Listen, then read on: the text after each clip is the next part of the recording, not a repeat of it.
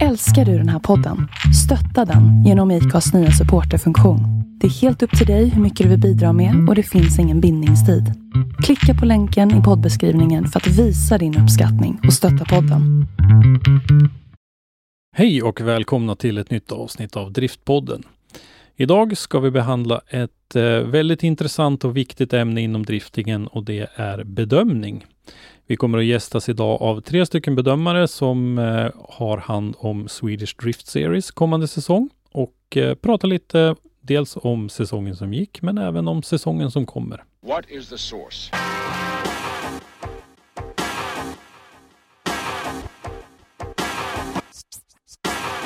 One, two, three, set it!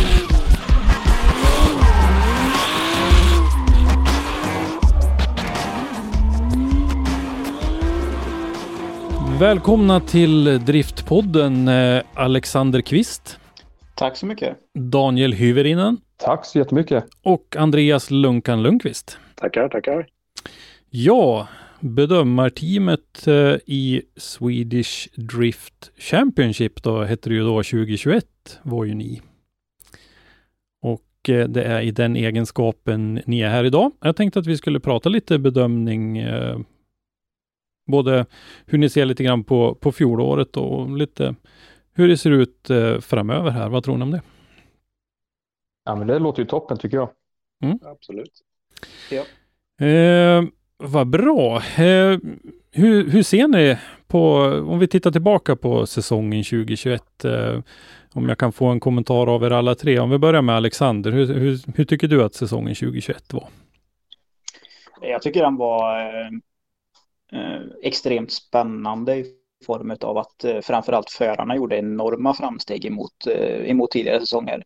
Det gjorde ju självklart det besvärligare för oss, men det var riktigt kul att se både nya och gamla förmågor steppa upp det flera steg faktiskt emot vad jag själv hade förväntat mig. Ehm, och även hela organisationen mm, har verkligen steppat upp enormt mycket. Så jag var extremt positiv efter förra året. Mm. Daniel, vad säger du? Ja, jag kan inte annat än att, än att hålla med honom. Det, eh, jag tycker att hela organisationen och förarna och eh, alltihop har verkligen steppat upp och det syns på både organisationens arbete, det har flyttat på väldigt bra. Vi har samma, samma folk på alla platser eh, hela säsongen och det, det ger ett bra flyt och förarna litar på oss och de kan fokusera på att köra och det tror jag gör att de utvecklas rätt rejält. Så jag tycker att, ja, som Kvist inne på, alla förare har utvecklats 2021. Mm. Ja, Andreas, har du någonting att tillägga? Nej, egentligen inte. Eh, det är ju liksom extremt kul att, att se hur, hur svensk driftning överlag utvecklas. Och det, jag hoppas och, och tror nog att det här bara kommer fortsätta spikrakt uppåt i princip. Mm.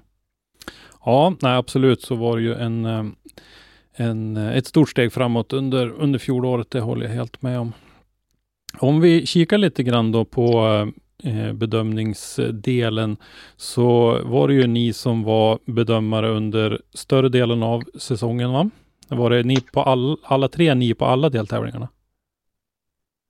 Eh, nej, Kristoffer Holm var på Mantorp istället för mig. Ja. Eh, och sen så eh, mitt under säsongen där i princip så, så kommunicerades det att han, han inte var jätteintresserad av att fortsätta den säsongen. Så då frågade honom om, om jag kunde hoppa in. Då. Så jag var med eh, resten av deltävlingen. Men i Sundsvall så var Holm fortfarande bedömare och jag stod bredvid och Mm. Ja. ja. tog lite intryck och så vidare. Så Mm. Just det. Eh, tidigare säsonger så har vi haft lite internationella inslag. Jag tänker på, eh, vi har haft Ryan Lantain, vi har haft eh, Vernon Svenevald, vi har haft David Kalash eh, till exempel. Eh, det hade vi inte. Eh, hur eh, ser ni på det? Var det någonting som ni tycker saknades? Eh, Daniel, vad, vad säger du om det? Både ja och nej, för jag tycker att eh, eh dels har vi varit ett sånt bra gäng. Vi kommunicerar bra med varandra. Vi behöver inte vara överens, men vi klarar ändå av att kommunicera vad vi tycker och tänker utan att det blir en dålig stämning. Eh, vi ser väl ungefär hyfsat lika på drifting och, och så sätt. Så på, så på det viset så är det skönt för oss och för förarna tror jag att ha tre bedömare hela säsongen som de vet vilka det är, hur de fungerar, hur de kommunicerar, hur de tänker. Då. Mm. Men sen så kan jag även se fördelen med och ta in en, ja, internationell eller inte, men en annan bedömare för att få lite input från ett annat håll.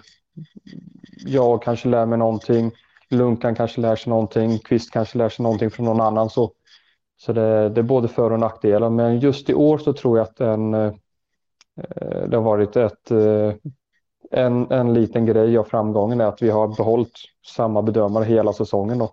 Mm. Någon annan kommentar kring det? Ja, det är väl eh, lite som Daniel säger så är jag väl själv inne på, på det också. Det har sina för och nackdelar. Jag har ju jobbat en hel del med internationella bedömare, både Callas och Lantain och eh, till en början så absolut, man, man får extremt mycket matnyttigt. De är grymt erfarna. Eh, man får mycket input på på saker liksom. Eh, sen så ska man ju inte glömma bort att bedömningen ska ju vara individuell. Så att det, det farliga med internationella bedömare som är lite profiler kan ju vara att de lätt försöker påverka lite för mycket. Mm. Så att eh, det, det, finns absolut för och nackdelar med det. Men, eh, men som Daniel säger också, jag tror att det är styrkan nu är att vi liksom har börjat bli så pass samspelta och vi vet vart vi har varandra utan att egentligen ens behöva prata om någonting kring bedömningen. Mm. Ja, absolut en stor fördel. Eh, det här med, om man säger respekten från, från förarna då, är det, ser ni någon skillnad i det? Mm, när de här stora profilerna kommer, är det, är det lättare att ta upp en diskussion med er än vad det är och, och, och ta den med Ryan Lantain till exempel? Jo, men det märker man ju till viss del skillnad och liksom att eh, nu ska man väl inte har, har förarna, om, vi, om förarna har negativ kritik att komma med gentemot bedömarna, då har de kanske lättare att ta det med, med oss om det inte finns en internationell bedömare med i leken. Mm. Uh, finns det internationella bedömare så kanske förarna är mer benägna att komma och få input snarare än att lämna kritik. Ja. Uh, men i det stora hela, nej, jag skulle inte säga att det är någon jätteskillnad så. Mm. Hur, eh, om ni får göra en, en, en självskattning, hur öppna för, för den typen av, av kritik och diskussioner är ni? Andreas, vad säger du om, om det? Eh, jo, nej, men det är ju klart att det alltid ska finnas eh, möjlighet att liksom, diskutera och, och framförallt få reda på varför besluten tas som de gör. Liksom. Mm. Um, ja. Mm. Ja, nej men det, det är absolut viktigt, helt klart. Eh, eh, om vi kikar lite då framåt på den här säsongen som kommer nu. Eh, hur kommer eh, bedömningsteamet att, att se ut då? Alexander, du som är lite huvudbedömare har, har väl agerat som i alla fall. Ja, eh, det, det, blev väl den rollen jag fick där och så som det kommer fortsätta vara. Men vi kommer vara samma trio eh, det här året också. Så att jag, Daniel och Andreas på samtliga deltävlingar. Mm. Som planen är i alla fall. Och det tror jag är en eh, riktig styrka att vi har den, den ambitionen, den planen ifrån början och den trygghet för förarna nu när de har lärt känna oss också och vet lite grann vad vi vill se och vad man inte tycker om på individuella plan då. Mm. Ja, jag vet ju att du Andreas har blivit förälder ganska nyligen här, så det var väl där jag var lite tveksam kanske hur, hur, hur det såg ut för dig. Ja, precis. Nej, hon, hon är en vecka gammal nu så att eh, det är lugnt. Hon ska, om allting fortsätter gå bra så ska hon vara med på Elmia och så där. Så att det går att pussla ihop. Och... Mm. ja, det är bra. Eh, de ska formas tidigt. Eh, jag tänker mig eh, startfältet 2022 eh, tycker ju jag personligen ser riktigt starkt ut.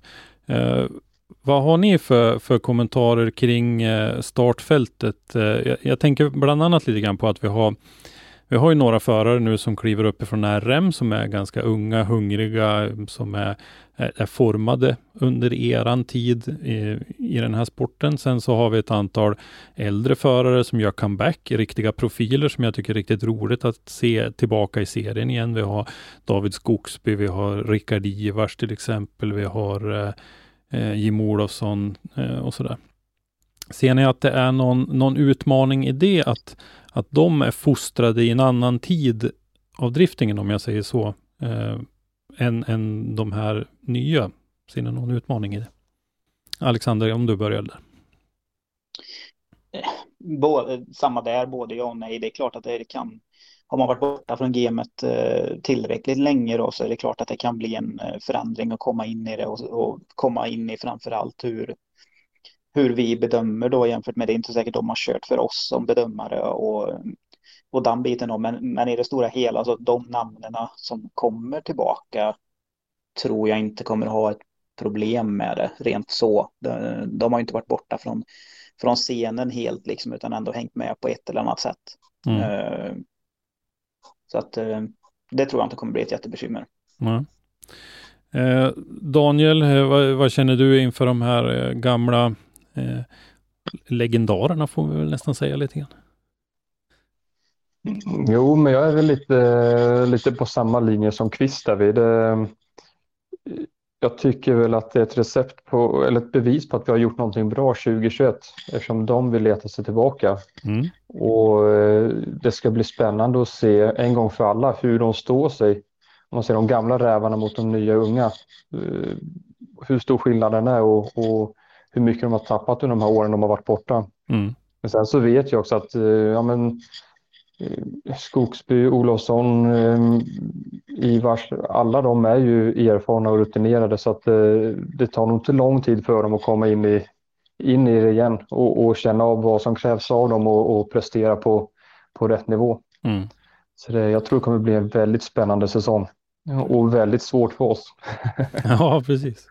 Eh, vi har ju faktiskt fler som, som gör lite comeback också. Vi har ju bröderna Joensu till exempel som inte var med förra året men som eh, ju var eh, dubbla mästare eh, säsongen innan det, då, 2019, eh, när det kördes. Eh, vad, vi har pratat lite grann om att det blir jämnare, vi höjer nivån och sådär.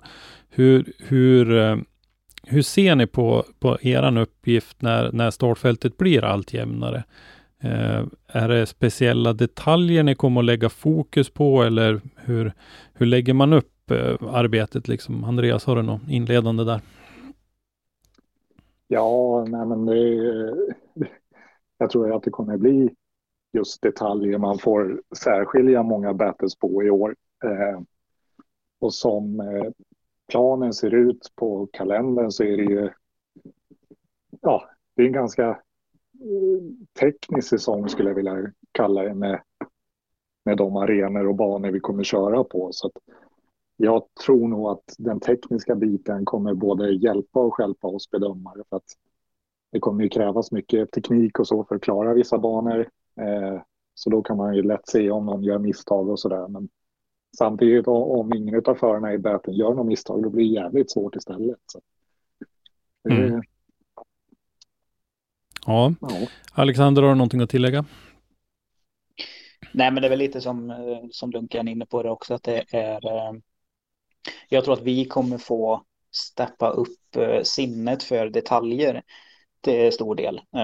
Sen så medlet vi har för att för att lite grann göra det lite lättare för oss, det är ju hur man väljer att lägga banor. Vi försöker se till att man får med fler transitions på banor som kanske normalt inte haft det just för att liksom inte nödvändigtvis skapa en svårighet för föraren, men för att skapa oss mer möjligheter och ha material att bedöma på. Mm. Eh, en kort, snabb bana där det bara finns en transition eller liknande, det, det är svårt för du har för få tillfällen för en förare att kunna göra misstag. Ja. Så att eh, ju längre och mer teknisk en bana är, desto lättare gör det vårat jobb, så är det ju. Sen mm. så är förarna så pass vassa idag att de kommer kunna hantera det och därmed gör att vi kommer behöva liksom steppa upp som sagt på vad det är vi tittar på och framförallt förmedla det till förarna vad det är vi kommer kolla på i detaljväg. Mm.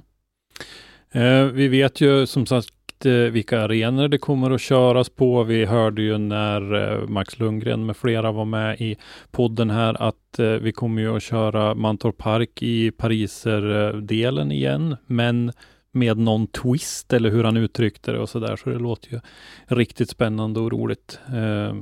För den, kan väl jag tycka kanske inte har varit den allra mest spännande delen. Jag har ju föredragit den här nyare sträckningen uppe i, i Mjölbydelen. Eh, Daniel, har du någon eh, åsikt om, om, om de olika bansträckningarna på Mantorp som har körts tidigare? Mm, jo, men det är ju eh, lite som både du och Kvist är inne på det. Eh, Mjölbyslingan på Mantorp, den södra delen där som jag har kört de senaste åren här nu. Eh, det är egentligen bara en transition på den och det är två böjar kan man säga, eller tre, två som är, sitter ihop kan man säga. Och då blir det rätt svårt för oss att bedöma. Mm. Det, det, det, är inte så mycket som händer. Förarna många gånger de, de löser det rätt så klanderfritt så det är inte så mycket att, att klanka ner på. Eh, sen så kan jag tycka att Parisen, den har vi kört så många år nu innan detta då så att eh, de flesta kunder är så bra så det blir ju nästan så att den varit tråkig på det sättet för att alla kunder är så fruktansvärt bra. Mm. Den kördes på alla frikörningar, på alla gatubilar alltihopa så att det, den var så välinövad. Men eh, som sagt, det kommer en liten twist på nu och, och eh, som det ser ut så kan det bli riktigt spännande. Jag tror att det kommer ställa till det för många förarna. De är nog inte riktigt beredda på vad som kommer. Ja. Den där tävlingen har jag tänkt att komma och vara med på faktiskt på plats. Så att då har jag beställt bra väder och en bra tävling bara så att vi har det klart. Ja, det är bra. Då skyller vi på dig om det, om det inte blir det då. ja, precis. Ja, eh, vi fortsätter. Vi pratar lite grann om eh, att eh, ni måste steppa upp. Ni har lite möjligheter hur ni lägger banan och så vidare och, och, och skapa eh, differentiering mellan förarna så att säga. Men om vi tittar lite mer på tekniska hjälpmedel då. Hur, hur ser det ut på den biten?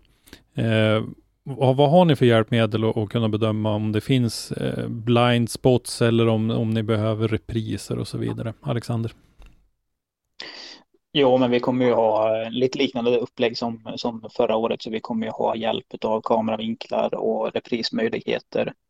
Eh, just för att kunna se de här ställena som är lite bökigare för oss att kunna se från ett bedömartorn och liknande. Eh, sen så utav erfarenhet så vet jag att vi alla tre brukar se till att gå runt väldigt mycket under träningar och så där för att liksom kunna se de här lite svåra ställena från andra perspektiv för då kan man skaffa sin uppfattning om hur den ser ut yeah. därifrån man faktiskt står sen då när det är rätt eller fel och så där. Mm. Så att eh, vi cirkulerar runt och samlar ganska mycket mer information än vad jag tror många förare uppfattar. Ja, eh, det här med repriser och grejer, gäller det all körning eller gäller det bara battle så att säga? Jag tänker att eftersom livestreamen bara går ut på, på elimineringen. Förra året så um, hade vi egentligen bara det under, uh, under den delen som, uh, som livesändes. Nu vågar jag inte helt hundra säga eh, att det är så här i år, men vi har fått någon form av preliminärt löfte om att vi ska kunna ha någon form av kameravinkel och reprismöjlighet även under kval och förhoppningsvis till och med lite, lite träning. Mm.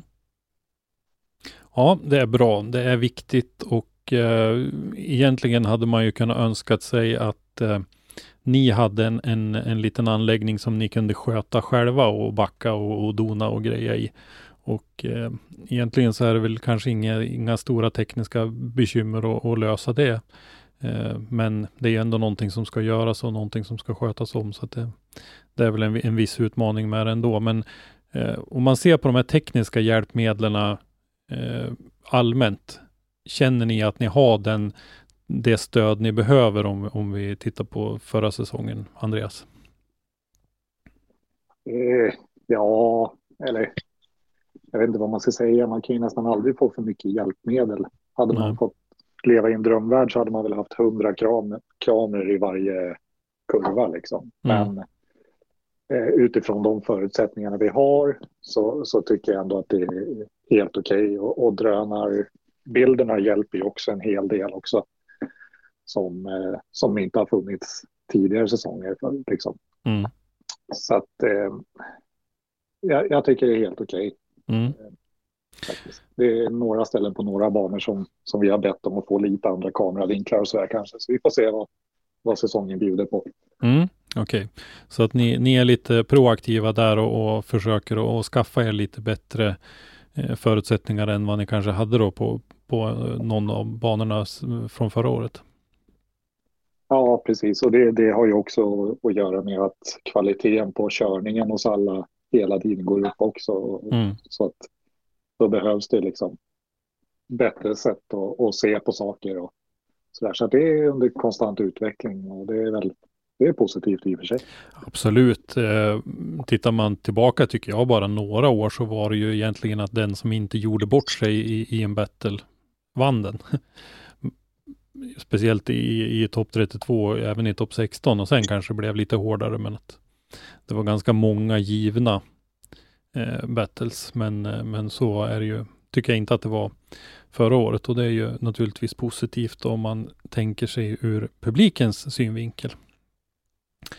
Eh, om vi håller oss kvar lite grann där då. Eh, finns det några planer att inkorporera er lite grann mer med eh, publiken, både publiken på plats och eh, livestream-publiken?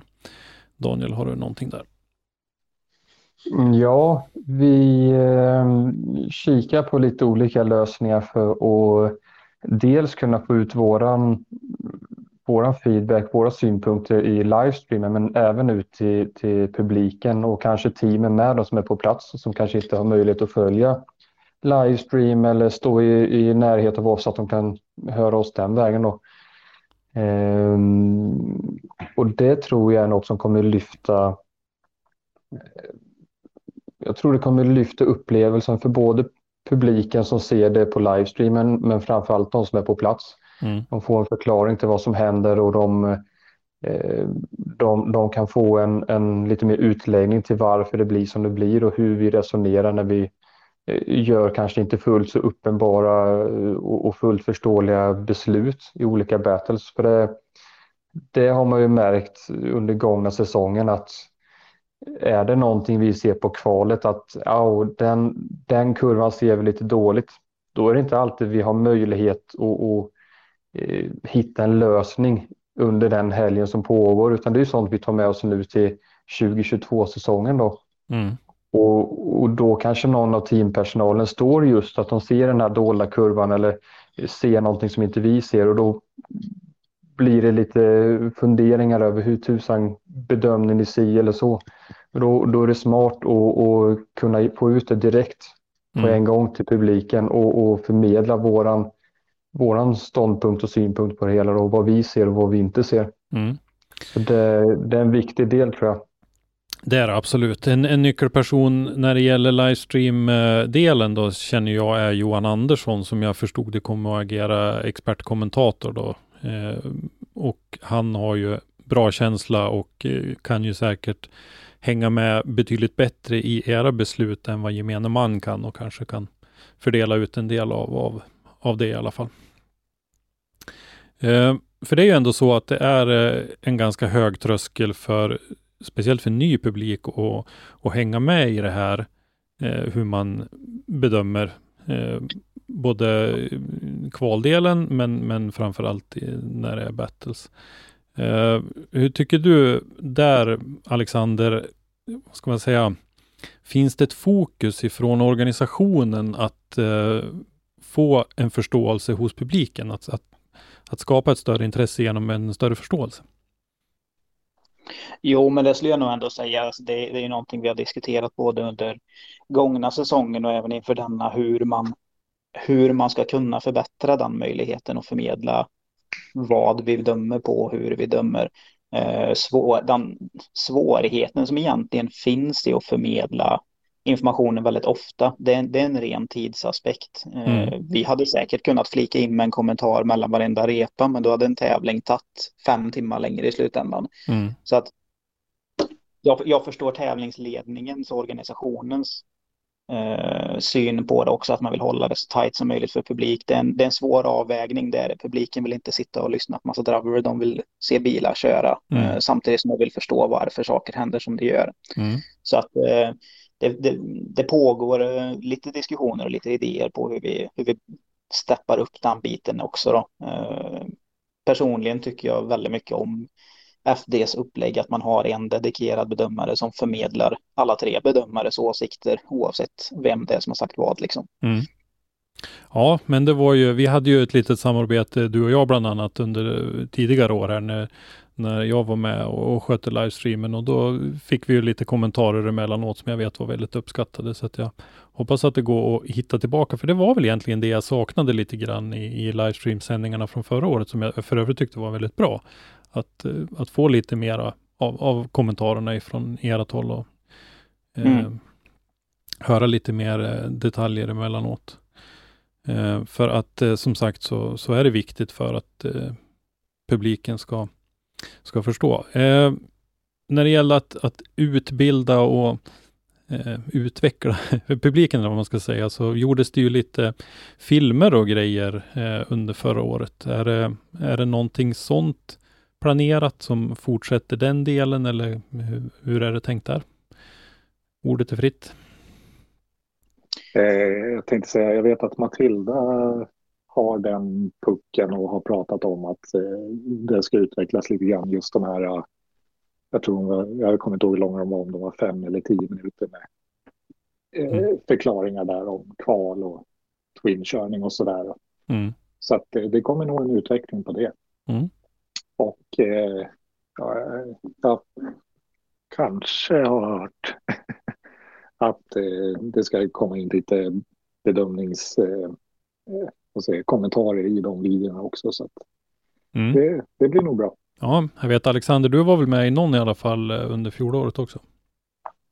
Ja, det, nu minns jag inte ens vad det var vi diskuterade den gången, men eh, nej, men det har ju pratats om att, att utveckla den biten och, och kanske göra lite kortare filmer om eh, kalla det mer detaljnivå då, att eh, om man vill nörda ner sig i hur vi bedömer en zon eller hur man ser på en eh, initiering eller så där då. Att mm. man skalar ner det i olika stycken istället och gör kortare klipp om det. Mm.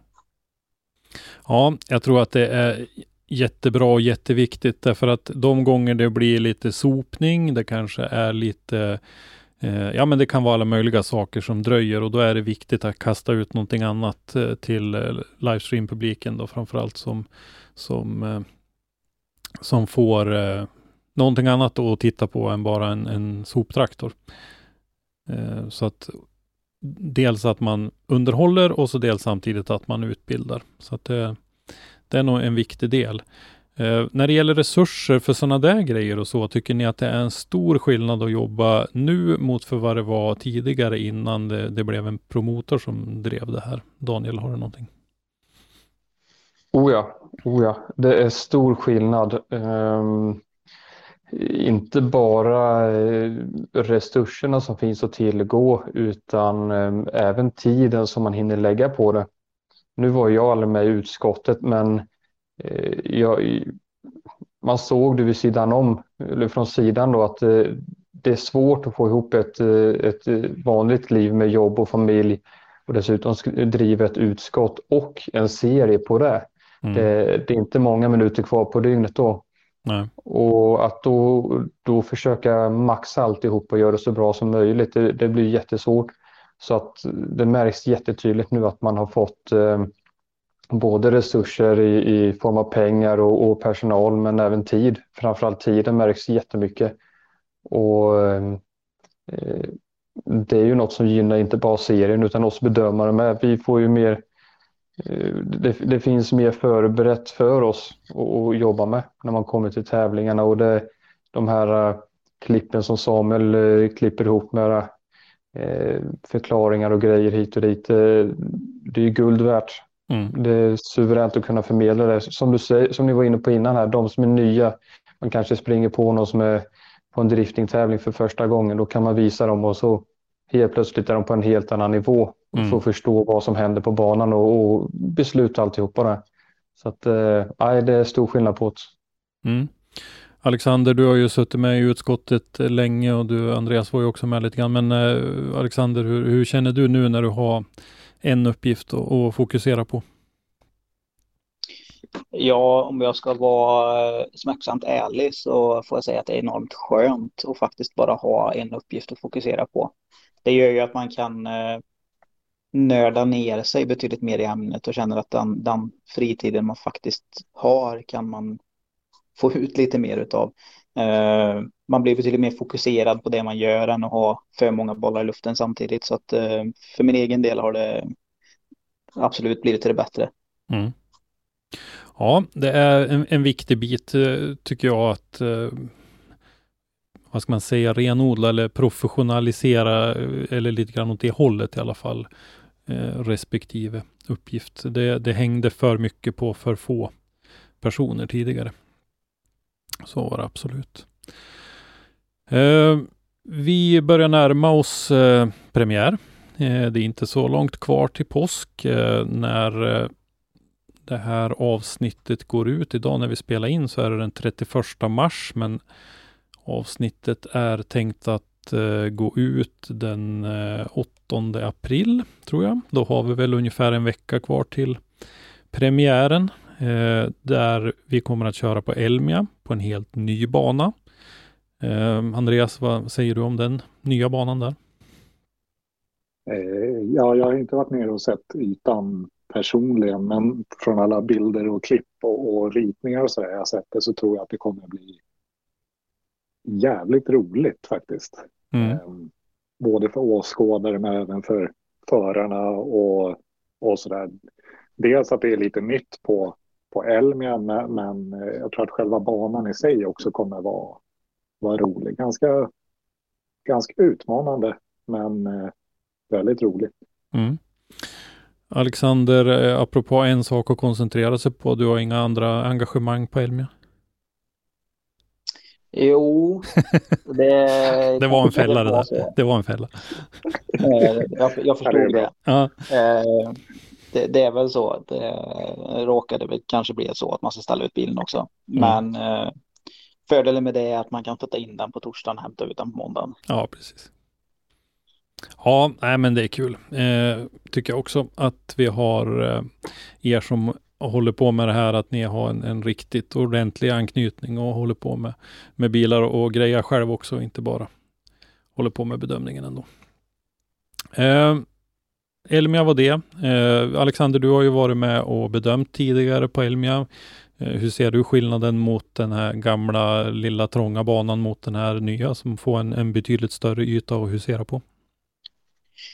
Ja, alltså ska man se det så så går det, det kommer inte ens gå att jämföra gamla banan med den nya i hur bra det kommer bli. Eh, den gamla banan, visst, du kom nära publiken, den var explosiv och allt det där, men problem, största problemet med den ytan var faktiskt att eh, det gick inte se någonting.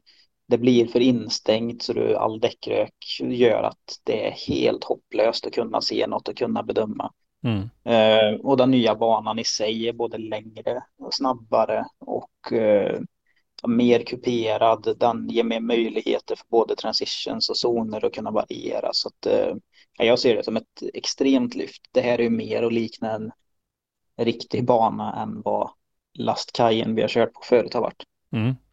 Det har väl varit, jag har sagt många gånger att jag har tyckt att det har varit en, en showbana, men inte mer än så. Är det någonting ni kan hålla med om? Eller? Absolut, 100 mm. procent. Mm.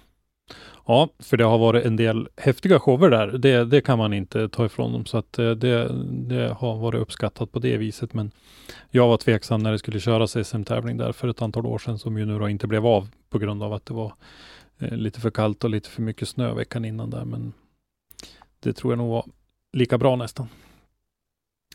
Ehm, har ni någonting annat eh, som ni känner att vi ska prata om eh, när det gäller årets banor och, och säsongen som kommer?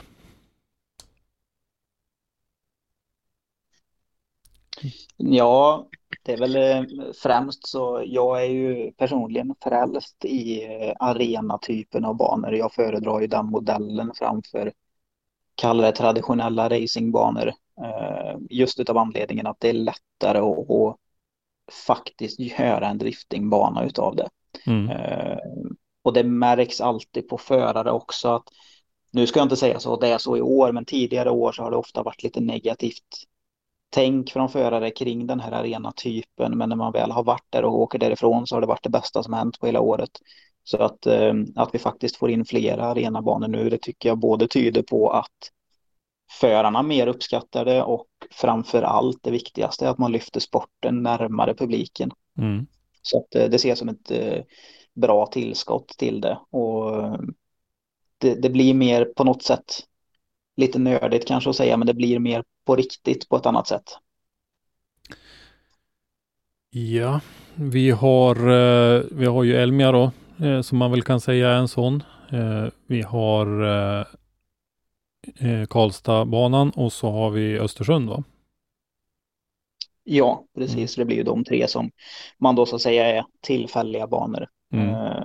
Sen ska man absolut inte underskatta nytillskottet Lidköping. Jag tycker absolut att den tävlingen var enormt lyckad förra året. Det må hända en väldigt liten, tight bana, men eh, så vitt jag förstått på förarna så var det en av de eventerna som de var mest nöjda med förra året utav både organisationen och banans anledning. Den, den bjöd på ganska mycket nytt trots att den är relativt långsam. Mm. Ja, eh, Sen så har vi säsongsavslutningen då uppe i Östersund och eh, för mig som är norrlänning så känner jag att det är nästan lite vågat sent på säsongen. Eh, det vore ju eländigt om det skulle ha hunnit blivit kallt innan dess, men eh, vi får väl hoppas att det går bra. Eh, för övrigt, eh, känner ni att vi har pratat om, om det mesta inför den kommande säsongen vad, vad gäller ert arbete?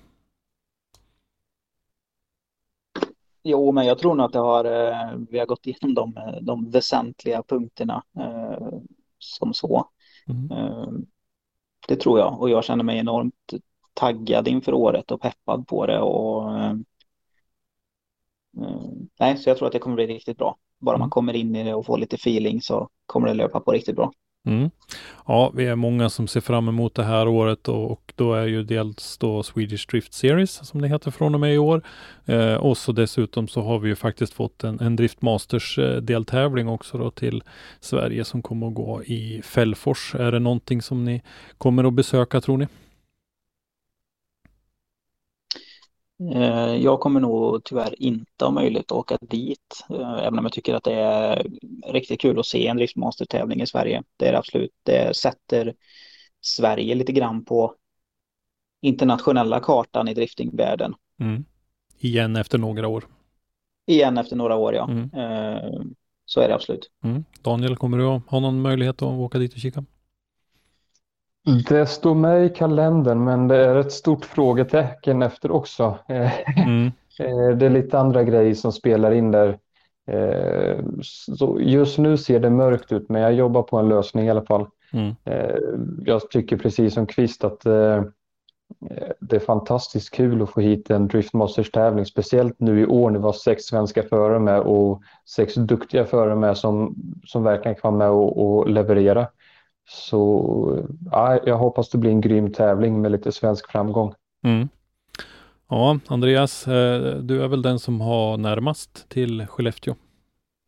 Ja, jo precis. Det är väl bara en hundra mil lite drygt. Ja. Eh, nej, men eh, alltså, jag ska, ska väl vara brutalt ärlig och säga att jag har nog inte tänkt åka dit i alla fall på grund av att jag vill fokusera på, på SDS, men även nu nybliven pappa och så där. Det är mm. rätt mycket annat som som ska göras i alla fall. Men mm. Eh, skulle det visa sig att det kommer upp en lucka och jag kan åka, då, då vill jag ju absolut dit och, och mm. kika. Ja, nej, som sagt, eh, jag håller med Daniel också att det är eh, en intressant säsong ur svensk synvinkel eftersom vi har sex stycken förare och det är ju några av dem som jag tycker absolut har, har eh, möjligheterna att, att ta nästa steg i karriären och komma vidare. Så det ska bli riktigt spännande. Men då så, med det så tror jag att vi avslutar den här podden med er angående bedömning och så hoppas eh, jag att eh, vi ses på flera ställen i sommar. Jag ska göra mitt bästa och försöka komma ut. Ni kommer att vara där, det vet jag, men eh, det är lite större frågetecken när det gäller mig då. Men vi kommer att försöka ses i alla fall och sen så hoppas jag att vi kan ta en sammanfattning i höst eller vinter och, och se tillbaka på en, en framgångsrik säsong. Vad tror ni om det? Absolut, Det det ser jag fram emot. Det, det ser vi absolut fram emot, ja. Mm. Ja. Och man kanske även lyckas klämma in en liten livepodd med en trädgårdstraktor också. Har man riktigt tur så kanske man kan lyckas klämma in en sån till och med. Vi, vi kommer att försöka och, och jaga tag i er eh, och se om ni har tid att delta i någon livepodd i sommar här också. Kanske inte under någon SDS-deltävling då, utan kanske under något gatubil eller någonting annat där ni finns i krokarna. Ja, jag får försöka bygga klart min trädgårdstraktor här med motorcykelmotor och ta med den då. Ja, precis. Ja, men just det. Vi hade ju en fråga till dig också, Daniel. Eh, vi efterlyste ju lite frågor här och det var, det var lite tunnsått där, men vi fick ju en, en till dig i alla fall. Exakt hur lång tid tar det att borra en oljekanal i en RB26? Eh, Ja, just en kanal i blocket, det tar inte så lång tid. Det jobbiga är ju sen när man ska hinna med en eh, köksrenovering och, och lite andra grejer och demontera Mm. ventiler och kammar från toppen. Det är, där, det är där det bromsar lite grann, så det har väl tagit typ en 6-7 månader någonting. Jaha, ja. ja, men det är inte mer än då i alla fall. Vi pratar inte år i alla fall. Ja, inte än, men det är Nej. snart. Det börjar närma sig. Ja, men det är bra. Eh, då säger vi så tack så mycket eh, Alexander Kvist, Daniel Hyvärinen och Andreas Lundqvist för eh, dagens pratstund. Tack själv. så mycket. Tack för att du har lyssnat. Lyssna gärna på våra tidigare avsnitt och glöm inte att ge oss betyg i din podcastapp. Har du ett ämne eller en gäst som du vill att vi tar med i Driftpodden så skicka oss ett meddelande på Driftpoddens eller Motorsportmagasinets sociala medier. Eller skicka ett mejl till oss på driftpodden gmail.com. I dagens avsnitt har du hört Alexander Kvist, Daniel Hyvärinen, Andreas Lundqvist. Intervjuare var Christer Hägglund. Ljudpåläggning och slutmix Robban Strandberg. Driftpodden produceras i samarbete med Motorsportmagasinet och Powerslide Media AB och produktionsåret var 2022.